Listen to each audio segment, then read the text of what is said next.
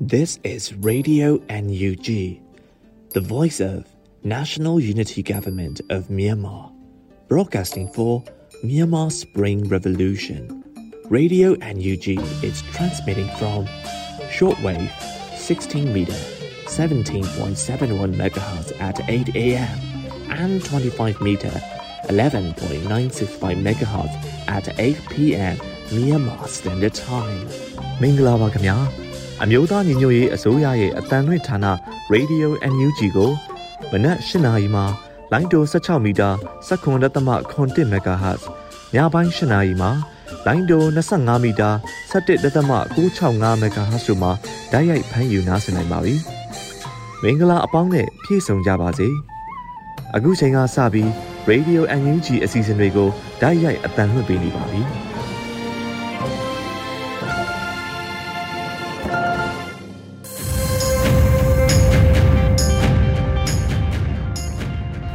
မြန်မာနိုင်ငံသူနိုင်ငံသားအပေါင်းတဘာဝပင်စစ်အာဏာရှင်ဘေးတို့ကနေကင်းဝေးပြီးကိုစိတ်နှပါကျမ်းမာလုံခြုံကြပါစေလို့ရေဒီယိုအန်ယူဂျီအဖွဲ့သားများကဆုတောင်းမေတ္တာပို့သလိုက်ရပါတယ်ရှင်။အခုချိန်မှစပြီးကာကွယ်ဝိညာဉ်ဌာနမှထုတ်ဝေသောစစ်ရေးတရေအကျဉ်းချုပ်ကိုတင်ဆက်ပေးသွားမှာဖြစ်ပါတယ်ရှင်။မြို့သားညီညွတ်ရေးအစိုးရကာကွယ်ရေးဝန်ကြီးဌာနမှထုတ်ဝေတဲ့နိုင်စဉ်စစ်ရေးတရင်ချင်းချုပ်ကိုတင်ဆက်ပေးမှာဖြစ်ပါတယ်။ ကျွန်တော်ဟိန်းကိုကိုပါစစ်ကောင်စီနဲ့တိုက်ပွဲဖြစ်ပွားမှုတည်င်းများအနေနဲ့ကြားပြည်နယ်မှာဒီဇင်ဘာ16ရက်နေ့မနက်9:40မိနစ်ခန့်ကရိုက်ကော်မြို့နယ်ရိုင်လီလေးအရှိဘက်ချမ်းငကွယ်ရွာနဲ့ရေကန်ရွာအနီးမှာစစ်ကောင်စီတပ်နဲ့ KNDF တို့တိုက်ပွဲဖြစ်ပွားခဲ့ရာစစ်ကောင်စီတပ်သား3ဦးသေဆုံးပြီး4ဦးဒဏ်ရာရရှိက KNDF တပ်သားတို့ကြာဆုံးခဲ့ပါတယ်ဒီဇင်ဘာ16ရက်နေ့မနက်10:00နာရီခန့်က ဒီမော့ဆိုမြို့နယ်စံပြ6မိုင်ကျေးရွာအုပ်စုဝန်လထွားကျေးရွာမှာစစ်ကောင်စီနဲ့ KNDF K တပ်တို့နှစ်ဖက်ထိတွေ့မှုဖြစ်ပွားခဲ့ပြီးစစ်ကောင်စီဘက်မှ3ဦးဒဏ်ရာရရှိက KNDF မှရဲဘော်2ဦးထိခိုက်ဒဏ်ရာရကြောင်းသိရပါတယ်။ချင်းပြည်နယ်မှာဒီဇင်ဘာ18ရက်နေ့ညနေ6:30မိနစ်ခန့်ကတီးတိမ်မြို့နယ်ကျေးရွာတရွာမှာအိန္ဒိယနိုင်ငံမဏိပူရစတိတ်အခြေစိုက် ZRA Zomi Revolution Army နဲ့ ပြည်သူ့ကာကွယ်ရေးတပ်တို့တိုက်ပွဲဖြစ်ပွားခဲ့ပါတယ်။ဒီဇင်ဘာ18ရက်နေ့နေ့လယ်တနာရီခန့်ကမင်းတပ်မြို့နယ်ဖျားစခန်းရွာသို့ကျေးရွာဒေါ်လာမှတဆင့်စစ်ကောင်စီတပ်အင်အား200ခန့်ရောက်ရှိလာပြီး CDF မင်းတပ်နဲ့တိုက်ပွဲဖြစ်ပွားခဲ့ပါတယ်။စကိုင်းတိုင်းမှာဒီဇင်ဘာ18ရက်နေ့မနက်10:00နာရီခန့်ကပလဲမြို့နယ်ကန်တောင်ရဲစခန်းမှခြေလင်းထွက်ခွာလာတဲ့စစ်ကောင်စီတပ်အင်အား60ကျော်ကိုပြည်သူ့တော်လှန်ရေးတပ်မတော် PRA တပ်ခွဲ17နဲ့ Play People's Defense Force Headquarters တို့မှမိုင်းဆွဲတိုက်ခိုက်ခဲ့ရာစစ်ကောင်စီတပ်သား6ဦးသေဆုံးခဲ့ပါတယ်။ဒီဇင်ဘာ18ရက်နေ့နေ့လယ်တနာရီခွဲခန့်ကဗလဲမြို့နယ်ကန်တောင်ရဲစခန်းမှာစစ်ကောင်စီကား40ကျော်ထွက်ခွာလာရာဝမ်ဘဲကျိုင်ကျေးရွာအနီးမှာပြည်သူ့တော်လှန်ရေးတပ်မတော် PRA နဲ့ Play People's Defense Force Headquarters မှရှေ့ထွက်မိုင်းများနဲ့ထပ်မံတိုက်ခိုက်ခဲ့ရာစစ်ကောင်စီကား3စီးပျက်စီးပြီး စစ်ကောင်စီများထိခိုက်ဒဏ်ရာရရှိမှုများပြားခဲ့ပါတယ်။ဒီဇင်ဘာ18ရက်နေ့ကမြင်းမှုမြို့နယ်ဝမ်ပြည့်ကျေးရွာနဲ့လက်ကပကျေးရွာအကြားမှာစစ်ကောင်စီစစ်ကြောင်းကိုမဟာမိတ်ဖွဲ့၅ဘွဲတို့မှမိုင်းဆွဲတိုက်ခိုက်ခဲ့ရာစစ်ကောင်စီတပ်သား၈ဦးခန့်သေဆုံးပြီးအများအပြားထိခိုက်ဒဏ်ရာရရှိခဲ့ပါတယ်။မန္တလေးတိုင်းမှာဒီဇင်ဘာ18ရက်နေ့နေ့လယ်7:30မိနစ်ခန့်ကပြည်ဦးလွင်မန္တလေးလမ်းတိုင်းမန္တလေးသို့ဆင်းလာတဲ့စစ်ကောင်စီကားကိုဒစင်ကုန်းကျေးရွာနဲ့ တံမတော်ကြေးရွာကြားမှာ Dragon Rangers မန္တလေးအဖွဲ့မှဝေရိမိုင်းနှလုံးနဲ့ဖောက်ခွဲတိုက်ခိုက်ခဲ့ပြီးစစ်ကောင်စီ3ဦးသေဆုံးပြီး9ဦးပြင်းထန်ဒဏ်ရာရရှိခဲ့ပါတယ်။ဒီဇင်ဘာ16ရက်နေ့ကမြိုင်မြို့နယ်ငမြောင်ရွာအနီးရှိမန်တောင်ကျေးမှာစစ်ကြောင်းထိုးလာတဲ့စစ်ကောင်စီများအားပြည်သူ့ကာကွယ်ရေးအဖွဲ့မြိုင်မှာဂျုံခိုတိုက်ခိုက်ရာစစ်ကောင်စီတပ်သား3ဦးဒဏ်ရာရရှိခဲ့ပြီးပြည်သူ့ကာကွယ်ရေးရဲဘော်2ဦးမစိုးရင်ရတဲ့လက်ထိခိုက်ဒဏ်ရာရရှိခဲ့ပါတယ်။ စစ်ကောင်စီကကျူးလွန်ခဲ့တဲ့ရာဇဝတ်မှုတွေကတော့စကိုင်းတိုင်းမှာဒီဇင်ဘာ18ရက်နေ့မနက်၄နာရီခန့်ကခင်ဦးမြို့စခန်းမှာစစ်ကောင်စီတပ်များကားနှစ်စီးဆိုင်ကယ်73စီးနဲ့ခံမှန်းအင်အား90ခန့်ကခင်ဦးမြို့နယ်အရှိဘက်ချမ်းရှိစုတက်ကျေးရွာနဲ့ဝက်သေးကျေးရွာများသို့အကြမ်းဖက်ဝင်ရောက်စီးနှင်ကဒေသခံများကိုပြစ်ခတ်ဖမ်းဆီးခြင်းများပြုလုပ်ခဲ့ပါတယ်။ဒီဇင်ဘာ16ရက်နေ့မနက်ပိုင်းကမင်းငင်းမြို့နယ်တောင်တွင်းဒေသခင်ဦးကျေးရွာမှာညအိတ်တက်ဆွဲထားတဲ့ စစ်ကောင်စီတပ်များကကျေးရွာရှိလူနေအိမ်ခုနှစ်လုံးကိုလည်းမမိရှုဖြက်စီကမိုင်းများလဲထောင်ထားခဲ့ပါတယ်ဒီဇင်ဘာ16ရက်နေ့ညပိုင်းကညောင်မြို့နယ်ကြောက်ရစ်ရဲစခန်းမှာစစ်ကောင်စီတပ်အင်အား40ခန့်ဘူးကင်ရွာသို့ဝင်ရောက်စီးနင်းပြီးဒေသခံလူကြီး2ဦးနဲ့လူငယ်4ဦးကိုဖမ်းဆီးသွားခဲ့ပြီးနေ့လယ်ပိုင်းမှာလူကြီး2ဦးကိုပြန်လွှတ်ပေးခဲ့တော့လဲလူငယ်များကိုဆက်လက်ဖမ်းဆီးထားဆဲဖြစ်ပါတယ်။မကွေးတိုင်းမှာဒီဇင်ဘာ16ရက်နေ့ညပိုင်းကမင်းလာမြို့ အမှတ်6ရပ်ကွက်တွင်နေထိုင်တဲ့တက်ကြွလှုပ်ရှားသူဦးနိုင်ဝမ်ကိုစစ်ကောင်စီများကနေအိမ်မှာဖမ်းဆီးသွားခဲ့ပါတယ်။ဒီဇင်ဘာ16ရက်နေ့နေ့လယ်3နာရီခန့်ကမင်းလာမြို့နယ်တပြေတော်ကျေးရွာတွင်နေထိုင်သူကိုဖိုးနီကိုနေအိမ်တွင်စစ်ကောင်စီကားနှစ်စီးနဲ့ဝင်ရောက်ဖမ်းဆီးရာကိုဖိုးနီမရှိသောကြောင့်၎င်းရဲ့ရောက်ဖတော်ဆက်သူကိုအေးလင်းနဲ့အခြားရွာသားတို့ကိုဖမ်းဆီးသွားခဲ့ရာဒီဇင်ဘာ18ရက်နေ့မှာကိုအေးလင်းကိုငွေ10သိန်းနဲ့ပြန်ရွေးထုတ်ခဲ့ရပါတယ်။ ဒီဇင်ဘာ16ရက်နေ့မနက်9:00နာရီခန့်ကပွင့်ဖြူမြို့နယ်လေကိုင်းရွာမှာနေထိုင်တဲ့ကိုစော်လင်းနှင့်ဦးမျိုးလွင်တို့ဟာစစ်ကောင်စီခန့်လေကိုင်းရွာအုပ်ချုပ်ရေးမှူးမမြင့်မော်မှ PDF ကိုထောက်ပံ့နေသူများဟုသတင်းပေးခြင်းကြောင့်၎င်းတို့နေအိမ်များတွင်စစ်ကောင်စီများကဖမ်းဆီးခဲ့ပါတယ်။ဒီဇင်ဘာ16ရက်နေ့ကမြိုင်မြို့နယ်ကန်နက်ရွာရှိပြည်သူပိုင်အိမ်များကိုကြက်အကောင်30ခန့်စံစီနဲ့ခရမ်းကျင်ကြီးများကိုစစ်ကောင်စီတပ်သားများမှအတင်းအဓမ္မလူရက်ယူဆောင်သွားခဲ့ပါတယ်။ ဟုတ်ကဲ့ပါအခုသတင်းများကိုမြေပြင်သတင်းတာဝန်ခံများနဲ့သတင်းဌာနများမှဖော်ပြလာတဲ့အချက်အလက်များပေါ်အခြေခံပြီးပြုစုထားတာဖြစ်ပါတယ်ခင်ဗျာ။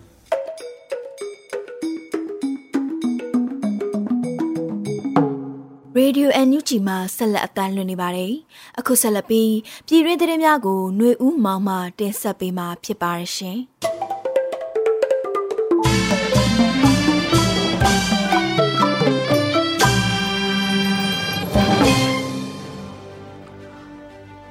မင်္ဂလာပါခင်ဗျာ။အခုချိန်ကစပြီး Radio NUG မနက်ခင်းသတင်းများကိုဖတ်ကြားတင်ပြပေးပါတော့မယ်။အခုတင်ပြပေးမယ့်သတင်းတွေကတော့ Radio NUG သတင်းတာဝန်ခံတွေနဲ့ဂိုင်းလုံသောမိဖက်သတင်းရင်းမြစ်တွေမှအခြေခံထားတာဖြစ်ပါတယ်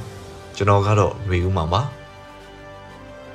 ပထမဦးဆုံးသတင်းအနေနဲ့ပညာရေးဝန်ကြီးဌာနမှဂျားကာလပညာရေးအစည်းအဝေးအရမူလာတန်းဆရာအတက်ပညာသင်တန်းဝင်ခွင့်လျှောက်လွှာများခေါ်ယူနေပါတယ် အမျိုးသားညီညွတ်ရေးအစိုးရ၏ចောင်းသားចောင်းသူလူငယ်များစင်ဆက်မပြတ်တင်ယူနိုင်ရေးအတွက်ဂျားကာလပညာရေးအစီအစဉ်အရအကောင့်ထဲပေါ်ဆောင်သောမူလာတန်းဆရာအတက်ပညာသင်တန်းဝင်ခွင့်ရှောက်လွှာခေါ်ယူခြင်းကိုဒီဇင်ဘာလ18ရက်နေ့နေ့စွဲဖြင့်ထုတ်ပြန်ခဲ့ပါတယ်။ထိုကြေညာချက်တွင်ဖော်ပြပါရှိတာကတော့ဤသင်တန်းသည်စစ်အာဏာရှင်အမြင့်ပြတ်ပျောက်ကွယ်သွားသည့်အထိဤအမျိုးမျိုးဖြင့်တော်လှန်ဆန့်ကျင်သောပြည်သူများအတွက်ပညာရေးအခွင့်အလမ်းမဆုံးရှုံးစေရန်နှင့် ဆရာအင်အားပြန်လည်ဖြည့်တင်းနိုင်ရန်အတွက်ရည်ရွယ်၍အမျိုးသားညီညွတ်ရေးအစိုးရပညာရေးဝန်ကြီးဌာန၏အစည်းအဝေးဖြင့်ဖွင့်လှစ်သောဆရာအတက်ပညာသင်တန်းဖြစ်ပါတယ်။လျှောက်ထားသူသည်ကာကြီးတက္ကသိုလ်မှဘွဲတစ်ခုခုရရှိပြီးသူဖြစ်ရမည်ခါခွေစစ်ကောင်စီ၏အုပ်ချုပ်မှုရန်ရာတွင်တာဝန်ထမ်းဆောင်နေသူတင်တန်းတက်ရောက်နေသူ လုံးဝမဖြစ်စေရကငယ်အသက်30နှစ်ထက်မကြီးရ PPPT ဝင်ခွင့်အောင်မြင်ပြီးသူဖြစ်ပါကအသက်ကသက်ချက်ကိုဖြေလျှော့ပေးပါမည်။ကာကြီးတတ်မှတ်ထားသည့်တင်တန်းကိုပြီးဆုံးအောင်တက်ရောက်နိုင်သူဖြစ်ရမည်။ငါ Federal Democracy ပညာရေးမူဝါဒများအရသတ်မှတ်ပေးသည့်တာဝန်ကိုထမ်းဆောင်နိုင်သူဖြစ်ရမည်။ Online Learning အတွက်သင်တန်းကာလ6ပတ်တက်ရောက်ရမည်ဖြစ်ပါသည်။ရောက်လာပိတ်ရမှာဇန်နဝါရီလ14ရက်နေ့2022ခုနှစ်ည7:59မိနစ်အထိဖြစ်ပါတယ်။ စုံစမ်းမေးမြန်းလိုသူများရှိပါက aspirationteachers@protonmail.com တို့ဆက်သွယ်မေးမြန်းနိုင်ပါသည်ဟုဖော်ပြပါရှိပါတယ်ခင်ဗျာ။တင်တန်းလျှောက်ထားရန်ပုံစံဖောင်လင့်ကိုတော့အမျိုးသားညီညွတ်ရေးအစိုးရ၏ Blue Mark အမှတ်အသားပါပညာရေးဝန်ကြီးဌာန Facebook စာမျက်နှာတွင်တွားရောက်ရယူနိုင်ပါတယ်ခင်ဗျာဆက်လက်ပြီးဘုံရွာအလုံးဘုံကြီးကျောင်းမှာဘုံတော်ကြီးနဲ့တရင်တော်အပါအဝင်ပြည်သူ12ဦးဖမ်းဆီးခံရတဲ့တဲ့ရင်ကိုတင်ဆက်ပေးပါမယ်စကိုင်းတိုင်းမုံရွာမြို့အလုံးရက်ကွက်က ချမ်းသာကြီးဘုံတော်ကြီးကျောင်းမှာဒီဇင်ဘာ12ရက်နေ့ကစစ်ကောင်စီတပ်ဖွဲ့ဝင်တွေဝင်ရောက်စီးနင်းပြီးကျောင်းထိုင်ဘုံတော်ကြီးဦးဩဘာသနဲ့မုံရွာအခြေစိုက် Regional News Agency RNA ကသတင်းထောက်ကိုမင်းတိုက်ထွန်းအပါအဝင်ပြည်သူ12ဦးကိုအင်အားသုံးဖမ်းဆီးခဲ့တယ်လို့ဒေသခံတွေကပြောပါတယ်။အဲ့ဒီဖမ်းဆီးမှုကိုစစ်ကောင်စီဘက်မှအင်အား200နီးပါးအသုံးပြုခဲ့ပြီးစစ်ကောင်စီရဲ့ထုတ်ပြန်ချက်မှာတော့ကျောင်းထိုင်ဘုံတော်ကြီးဦးဩဘာသအပါအဝင် လူပေါင်း9ဦးကိုလက်နက်တွေနဲ့အတူဖမ်းဆီးရမိခဲ့တာဖြစ်တယ်လို့ဆိုထားပါတယ်။အဓိကကတော့ဘုံကြီးကျောင်းကိုအမြင်ကပ်လို့လှုပ်ထားပြအဲ့ဒီကျောင်းကကိုမင်းကုံနိုင်တို့တွေစာပေဟောပြောပွဲလုပ်ဘူးတယ်အရင်ကတက်တက်ကြောက်ကြောက်လုပ်ခဲ့ဘူးတော့အဲ့ဒီအညိုးနဲ့လုပ်တာတရင်တောက်ကိုလည်းသူတို့လိုက်နေတာ၃လလောက်ရှိပြီတက်ထဲကဘရဲသီးနဲ့အဆက်တွဲရှိလို့ဆိုပြီးလိုက်နေတာဘောလို့လုံခြုံရေးအရာအမည်မဖော်လို့တဲ့ဒေသခံတူကပြောပါတယ်ဒီဇင်ဘာ12ရက်နေ့ကဖမ်းဆီးမှုမှာ ဥရောဘာသာခေါ်အောင်စောထွန်း49နှစ်တိန်စိုးမင်းခေါ်ကိုဆိုး40နှစ်မျိုးသူ25နှစ်အောင်ချစ်22နှစ်ကျော်စင်30နှစ်သူရင်ဆိုး16နှစ်စောမင်းထိုက်22နှစ်ရဲထက်ခေါ်ရဲထွတ်စော29နှစ်နဲ့ခိုင်စောဦး35နှစ်စုစုပေါင်း9ဦးတို့ကိုဖမ်းဆီးထားကြောင်းစစ်ကောင်စီကထုတ်ပြန်ထားပါတယ်။၎င်းတို့နဲ့အတူလက်လုံတနက်တစ်လက်လက်လုံလေးတနက်9လက် လက်လုံတနက်တို့တစ်လက်ပြုတ်လုဆဲလက်လုံတနက်9လက်လက်လုံကြီးကွန်66ခုပြုတ်လုဆဲလက်လုံပုံ9လုံးခုနှစ်သက်သက်မှ6နှစ်ကြီး3တောက်0.22ကြီးအတောက်20ဖောက်ခွဲရေးဆက်ဆက်ပစ္စည်းတွေနဲ့အတူဖမ်းဆီးရမိခဲ့တာလို့စစ်ကောင်စီရဲ့ထုတ်ပြန်ချက်မှာဖော်ပြထားပါတယ်။စစ်ကောင်စီထုတ်ပြန်ချက်ထဲမှာပါတဲ့အသက်16နှစ်အရွယ်ရှိသူရိန်ဆိုးဆိုသူဟာ RNA ကသတင်းတောက်ကိုမင်းတိုက်ထုံးဆိုသူဖြစ်ပြီးလက်ရှိအချိန်ထိမိသားစုနဲ့အဆက်အသွယ်မရသေးဘူးလို့သိရပါတယ်။ ဒါအပြင်စစ်ကောင်စီရဲ့ထုတ်ပြန်ချက်ထဲမှာမပါဝင်သူ၃ဦးရဲ့အခြေအနေကိုလည်းမသိရသေးဘူးလို့ဒေသခံတွေကဆိုပါတယ်။ဆက်လက်ပြီးတောင်ကြီးမြို့နိုင်ငံရေးသမားနဲ့နိုင်ကျင်းဟောင်းများကိုစစ်ကောင်စီကထောင်ဒဏ်နှစ်စီချမှတ်ခဲ့တဲ့တဲ့တင်ကိုတင်ဆက်ပေးပါမယ်။ရှမ်းပြည်နယ်တောင်ပိုင်းတောင်ကြီးမြို့နယ်ရှိတောင်လေးလုံးအကျဉ်းထောင်၌ဖမ်းဆီးထိန်းသိမ်းခံထားရသောနိုင်ငံရေးပါတီဝင်များနဲ့နိုင်ငံရေးအကျဉ်းသားဟောင်း၄ဦးကိုစစ်ကောင်စီကထောင်ဒဏ်နှစ်နှစ်ချမှတ်လိုက်ကြောင်းသိရပါတယ်။ ဒီဇင်ဘာလ16ရက်နေ့တွင်ဥဖြူ NLD ရက်ကျေးဥက္ကဋ္ဌကိုမြင့်ထေးနိုင်ကျင်းကိုဝင်းကိုပြည်သူ့ပါတီကိုကြီးကြီးရွှေ NLD ခရိုင်အတွင်းရေးမှူးတို့ကိုထောင်တွင်တရားရုံး၌ပင်ထောင်ဒဏ်နှစ်နှစ်စီချမှတ်လိုက်ကြောင်းရှင်းနေတူကပြောပါတယ်။ဒီနေ့နေ့လယ်ပိုင်းမှာပဲအမိန့်ချလိုက်တာပါ။သူတို့၄ယောက်မှာ၂ယောက်ကဘေးစီပုံမှန်နဲ့နောက်၂ယောက်ကတော့905ကကြီးနဲ့အမိန့်ချလာတာဟု၎င်းရှင်းနေကပြောပါတယ်။စစ်ကောင်စီမှနိုင်ငံတော်အာဏာသိမ်းယူပြီးနောက် နိုင်ငံရေးအကျဉ်းသားဟောင်းဦးမြင့်ထေခေါ်ကိုဘဲကျော်ကိုဖေဖော်ဝါရီလ9ရက်နေ့တွင်၎င်းပြည်သူ့ပါတီမှဦးဝင်းကိုဖေဖော်ဝါရီလ20ရက်နေ့တွင်၎င်း88မျိုးဆက်ចောင်းသားဟောင်းနဲ့ NLD ပါတီရဲ့တောင်ကြီးခရိုင်အတွင်းရေးမှူးဖြစ်ခဲ့သူဦးညီညီရွှေကိုဖေဖော်ဝါရီလ20ရက်နေ့တွင်၎င်းဖမ်းဆီးခြင်းခံခဲ့ရပါတယ်။ဖမ်းဆီးထိန်းသိမ်းခံပြီး10လခန့်အကြာတွင်စစ်ကောင်စီတရားရုံးမှအမိန့်ချခဲ့ကြောင်းသိရပါတယ်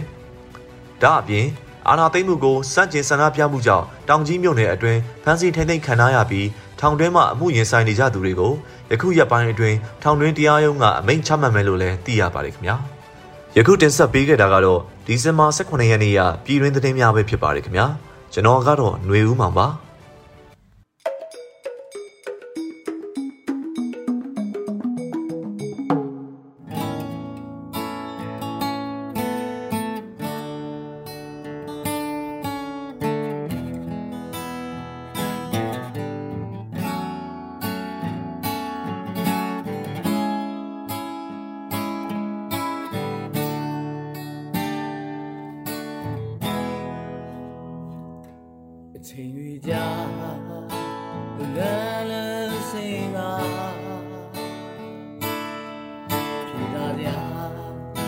небом летит.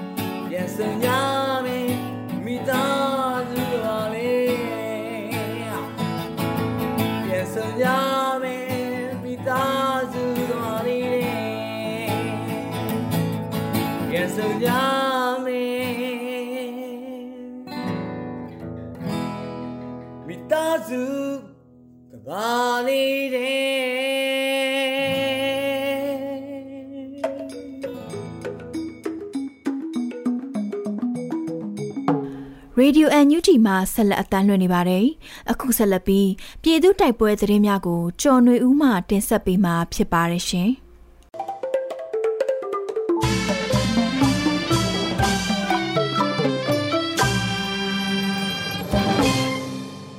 ပထမဆုံးအနေနဲ့လေးကေကော်တိုက်ပွဲမှာစစ်ကောင်စီတပ်ဖွဲ့နဲ့ BGF ရှိဦးကိုလက်နက်ခဲယမ်းများဖြင့်အရှင်ဖမ်းမိထားပြီးစစ်သား18ဦးသေဆုံးတဲ့တဲ့ရင်ကိုတင်ဆက်ပါမယ်။ ကရင်ပြည်နယ် KNU တပ်မဟာ6နယ်မြေလေးကေကော်မှာဒီဇင်ဘာလ16ရက်နေ့ဖြစ်ပွားတဲ့တိုက်ပွဲမှာစစ်ကောင်စီဘက်က18ဦးသေဆုံးပြီးစစ်ကောင်စီတပ်သား6ဦးနဲ့ BGF 2ဦးကိုဖမ်းဆီးရမိကြောင်းသိရှိရပါတယ်။အကြမ်းဖက်စစ်ကောင်စီတပ်နဲ့ KNL PDF ပူးပေါင်းတပ်ဖွဲ့တို့ကြားဖြစ်ပွားတဲ့လေးကေကောမဲထော်တလေးပရိကလော်တိုက်ပွဲမှာအကြမ်းဖက်စစ်ကောင်စီဘက်က18ဦးကြာဆုံးပြီးအကြမ်းဖက်စစ်ကောင်စီတပ်သား6ဦး BGF 2ဦးအရှင်ဖမ်းမိကြောင်းလက်နက်ခဲယမ်းများလည်းတင်စီရရှိထားကြောင်း KNU ကတရားဝင်သတင်းထုတ်ပြန်ထားတာပါဒီနေ့မနက်ပိုင်းမှာလည်းလေးကေကော်မှာစီရေးအခြေအနေတင်းမာနေဆဲဖြစ်ပြီးစစ်ကောင်စီဘက်ကလက်နက်ကြီးနဲ့ပစ်ခတ်နေပါတယ်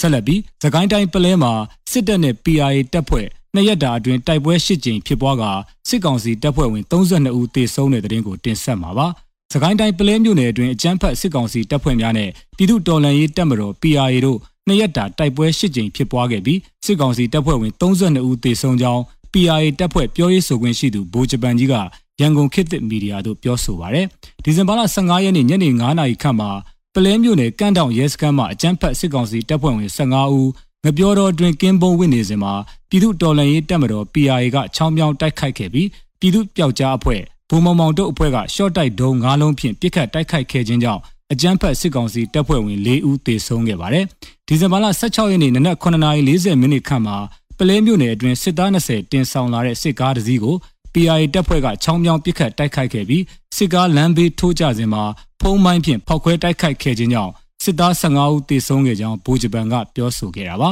။ဒါ့အပြင်နေ့လယ်12:30မိနစ်ခန့်မှာလည်း ပလဲမြို့နယ်အတွင်းစစ်ကောင်စီရင်နှန်းအားပြည်သူ့တော်လှန်ရေးတပ်မတော် PRA တပ်ခွဲ28မှတပ်ခွဲမှုဘိုမိုက်ကယ်အဖွဲ့ကပဒေသာမိုင်းထပ်မံတိုက်ခိုက်ခဲ့ရာ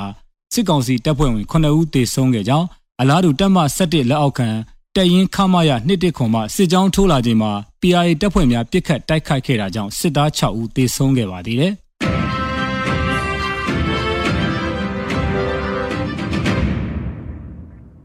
ဆက်လက်ပြီး KNU တပ်မဟာ9နေမြေမှာ ဒီဇင်ဘာလ15ရက်တွင်စစ်ကောင်စီတပ်နဲ့ KNL ကြားတိုက်ပွဲ131ကြိမ်ဖြစ်ပွားပြီးစစ်ကောင်စီဘက်က54ဦးသေဆုံးက39ဦးဒဏ်ရာရတဲ့တဲ့ရင်ကိုတင်ဆက်မှာပါ။ကရင်မျိုးသားစီယုံ KNU တပ်မဟာ9ဖာပွန်မူဒရောခရိုင်မှာလည်းအကြမ်းဖက်စစ်ကောင်စီ၎င်းတို့ရဲ့ကပိုက်ဆောင် BGF တပ်နဲ့ KNL တပ်မဟာ9တပ်ဖွဲ့များကြားဒီဇင်ဘာလ1ရက်မှ15ရက်အတွင်းတိုက်ပွဲ131ကြိမ်ဖြစ်ပွားပြီးစစ်ကောင်စီတပ်သား54ဦးသေဆုံးက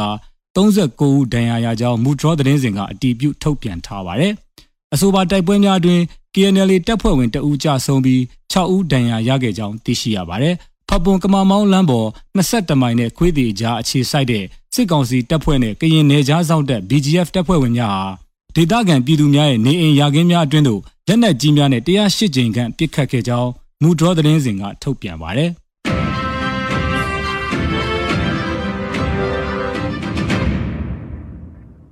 ဆက်လက်ပြီးကောလင်းပင်လယ်ဘူးတိုက်ပွဲနေ့စဉ်ရက်ဆက်ဖြစ်နေပြီးစစ်ကောင်စီအထိနာနေတဲ့တဲ့ရင်ကိုတင်ဆက်ပါမယ်။ဖုံးလိုင်းများဖြတ်၍စစ်ကောင်စီရဲ့အလောင်းဖျားစစ်စင်ရေးအဖြစ်ထိုးစစ်ဆင်နေတဲ့သကိုင်းတိုင်းကောလင်းပင်လယ်ဘူးဒေသမှာနေ့စဉ်ရက်ဆက်ဆိုသလိုတိုက်ပွဲများဖြစ်ပွားနေပြီးစစ်ကောင်စီဘက်ကအကြအဆုံးများနေကြောင်းစကိုင်းပြည်သူ့ကာကွယ်ရေးတပ်ဖွဲ့နဲ့နှီးဆက်သူတူထံမှသိရပါဗျ။ဒီဇင်ဘာလ15ရက်နေ့ကဖြစ်ပွားခဲ့တဲ့တိုက်ပွဲများမှာဒေသကာကွယ်ရေးပူးပေါင်းအဖွဲ့ရဲ့မိုင်းဆွဲတိုက်ခိုက်မှုကြောင့် ကားတစ်စီးမီးလောင်သွားပြီးကားပေါ်မှာပါလာတဲ့စစ်ကောင်စီအဖွဲ့ဝင်အားလုံးတေဆုံးသွားက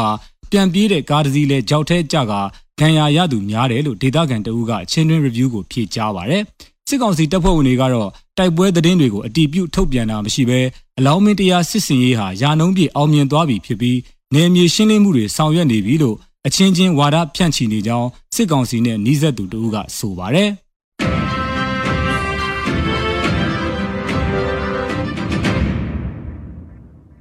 နောက်ဆုံးအနေနဲ့အမျိုးသားညီညွတ်ရေးအစိုးရပြည်ထရေးနဲ့လူဝင်မှုကြီးကြပ်ရေးဝန်ကြီးဌာနကဒီဇင်ဘာလ18ရက်ရက်စွဲနဲ့ထုတ်ပြန်တဲ့ပြည်သူ့ခုခံတော်လှန်စစ်သတင်းအချက်အလက်တွေကိုတင်ဆက်ပေးသွားပါမယ်။အာနာသိန်းအကြမ်းဖက်စေအုပ်စုရဲ့ပြည်သူလူထုအပေါ်အကြမ်းဖက်ဖိနှိပ်ဖန်ဆီးတိုက်ခိုက်တပ်ဖြတ်နေမှုများကိုပြည်သူလူထုတရက်လုံးကအသက်ရှင်တန်ရေးအတွက်မိမိကိုယ်ကိုမိမိခုခံကာကွယ်ပိုင်ခွင့်အရာပြည်သူခုခံစစ် People's Defensive War ကိုဆင်နွှဲလျက်ရှိပါတယ်။သတင်းအချက်အလက်များအရ16ရက်12လ2021ရက်နေ့မှာ စစ်ကောင်စီတပ်ဖွဲ့ဝင်86ဦးသေဆုံးပြီးထိခိုက်ဒဏ်ရာရရှိသူ19ဦးအထိခုခံတိုက်ခိုက်နိုင်ခဲ့ပါတယ်။စစ်အာဏာရှင်စနစ်မြမအမျိုးပေါ်ကအပြည့်တိုင်ချုပ်ငင်းရေးနဲ့ Federal Democracy တည်ဆောက်ရေးအတွက်ငြိမ်းချမ်းစွာဆန္ဒပြတဲ့လူထုတပိတ်တိုက်ပွဲများကပြည်내နဲ့တိုင်းဒေသကြီးများမှာဆက်လက်ဖြစ်ပွားပေါ်ပေါက်လျက်ရှိပါတယ်။မြေပြင်မှာတော့ယခုတွေ့ရတဲ့သတင်းအချက်အလက်များထက်ပို၍ဖြစ်ပွားနိုင်ပါတယ်ခင်ဗျာ။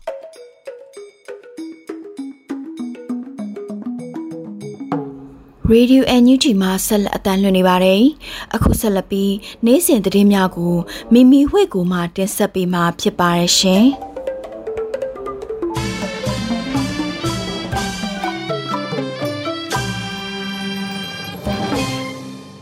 လေကီကော်ဒေတာစစ်ဆောင်ပြည်သူတွေကိုနေဆက်ဖြစ်ကျော်ခေါ်လုံခွင့်ပေးရန်ထိုင်းအစိုးရနဲ့နိုင်ငံတကာကိုအမျိုးသားညီညွတ်ရေးအစိုးရကမြစ်တာရက်ခံခဲ့တဲ့တဲ့တင်ကိုတင်ဆက်ပေးချင်ပါတယ်။လေကီကော်ဒေတာကစစ်ပေးဆောင်ပြည်သူတွေကိုနေဆက်ဖြစ်ကျော်ခေါ်လုံခွင့်ပေးဖို့ထိုင်းအစိုးရထံအမျိုးသားညီညွတ်ရေးအစိုးရ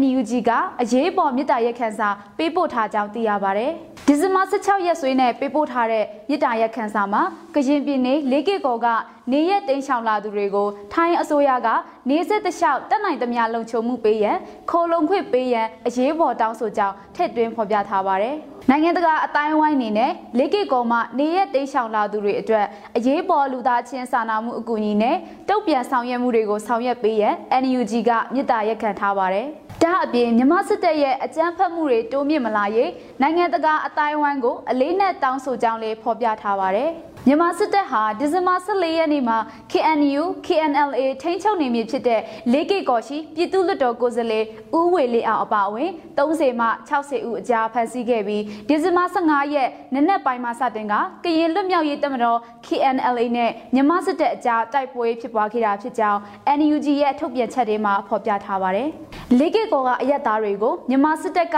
ဖမ်းဆီးခြင်းဟာစစ်ကောင်စီရဲ့အရက်သားပြည်သူတွေအပေါ်ရက်စက်ရုပ်မာမှုတွေဆက်လက်ကျူးလွန်နေမှုရဲ့နောက်ထပ်ဥပမာဖြစ်ကြောင်းလေးဆိုပါတယ်။ဒါအပြင်လေးကေကောဖြစ်စဉ်ဟာမြန်မာပြည်သူတွေအထူးသဖြင့်ကရင်နဲ့အခြားသောတိုင်းရင်းသားတွေကစစ်ကောင်စီရဲ့အုပ်ချုပ်မှုကိုညှင်းပယ်ကြောင်းညွှန်ပြနေခြင်းဖြစ်တယ်လို့လည်းထုတ်ပြန်ချက်မှာရေးသားထားပါတယ်။လေးကေကောဒေတာတိုက်ပွဲကြောင့်ထိုင်းနိုင်ငံမေဆောက်မြို့နယ်ကိုရောက်ရှိနေတဲ့မြန်မာစစ်ဘေးရှောင်အရေးအတွက်မှာယနေ့ဒီဇင်ဘာ18ရက်နေ့အထိ2503ဦးရှိကြောင်းကရင်အမျိုးသားမီဒီယာကအသိပေးထားတာကိုလည်းတွေ့ရပါတယ်။ကလေးငယ်989ဦးအပါအဝင်အမျိုးသား804ဦးနဲ့အမျိုးသမီး930ဦးတို့ဖြစ်ပါတယ်။စစ်ဘေးရှောင်မိသားစုတွေအတွက်အထောက်အပံ့ပစ္စည်းတွေအရေးပေါ်လိုအပ်နေပြီးအမျိုးသားညီညွတ်ရေးအစိုးရလူသားချင်းစာနာထောက်ထားရေးနဲ့ဘေးအန္တရာယ်ဆိုင်ရာစီမံခန့်ခွဲရေးဝန်ကြီးဌာနကပံ့ပိုးထောက်ပံ့နိုင်ရန်စီစဉ်ဆောင်ရွက်လက်ရှိကြောင်းသိရပါဗျ။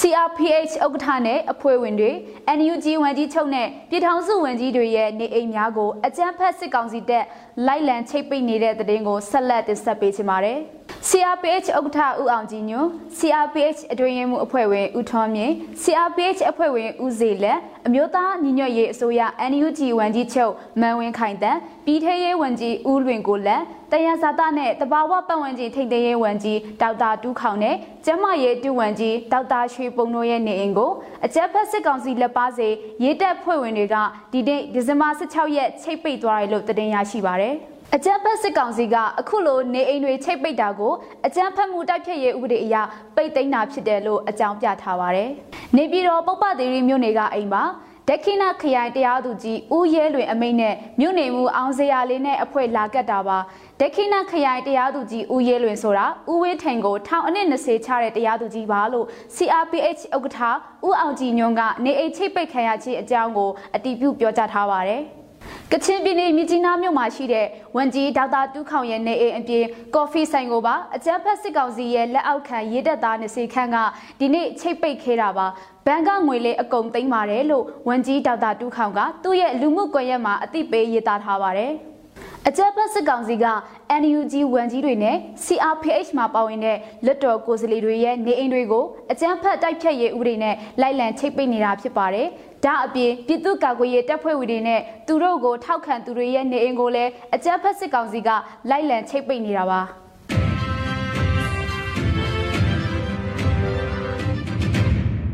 မြန်မာနိုင်ငံတနင်္သာရီကလူမျိုးပေါင်းစုံဘာသာပေါင်းစုံပါဝင်တဲ့စစ်အာဏာရှင်အမြင့်ပြတ်ချေမှုရဲ့လူထုဆန္ဒပြပွဲသတင်းတွေကိုစုစည်းတင်ဆက်ပေးမှာဖြစ်ပါတယ်။ ပဲခူးတက္ကသိုလ်ကကျောင်းသူကျောင်းသားတွေဦးဆောင်ပြီးငါတို့ဟာတက်လို့မသိတဲ့တော်လန်ပန်းပွင့်တွေပဲဆိုတဲ့စာတန်းကိုကင်ဆောင်ပြီးစစ်အာဏာရှင်အမြင့်ပြတ်ချေမှုရဲ့အိမ်တွင်းတပိတ်ဆင်နွှဲခဲ့ကြပါတယ်။မြန်မာနိုင်ငံတဝန်းကအကြအာယုံမတန်ဆွမ်းသူတွေစုစည်းပြီးကချင်ပြည်နယ်လေးကေကော်မှာအကြမ်းဖက်စစ်ကောင်စီနဲ့တိုက်ပွဲတွေဖြစ်ပွားနေတဲ့ KNU KNLA နဲ့ PDF တပ်ပွဲဝင်တွေအောင်ပွဲရရေးဆုတောင်းတပိတ်ပြုလုပ်ခဲ့ကြပါတယ်။ စကိုင်းတိုင်းရင်းမာပင်မြို့နယ်အတွင်းကကြေးရွာတရွာမှာတော်လန်ပြည်သူတွေဥဆောင်တဲ့အဖွဲ့ဟာစစ်အာဏာရှင်ကိုဆက်ကျင်တော်လန်တဲ့အနေနဲ့မိတုတ်တွေကင်ဆောင်ပြီးအာယုံဦးတပိတ်ချီတက်ဆန္ဒပြခဲ့ကြပါတယ်။စကိုင်းတိုင်းရင်းမာပင်အရှိချမ်းနဲ့စလင်းကြီးမြောက်ချမ်းရွာပေါင်းစုံတပိတ်စစ်ကြောင်းနေရ80နေရမြောက်နေအဖြစ်စစ်ဆောင်ရဲတော်လန် PDF ကခုခံ ပြည်သူအလုံးအောင်ပွဲခံဆိုတဲ့တော်လန်ရေးစာရွက်တွေကင်ဆောင်ပြီးချီတက်ဆန္ဒပြခဲ့ကြပါတယ်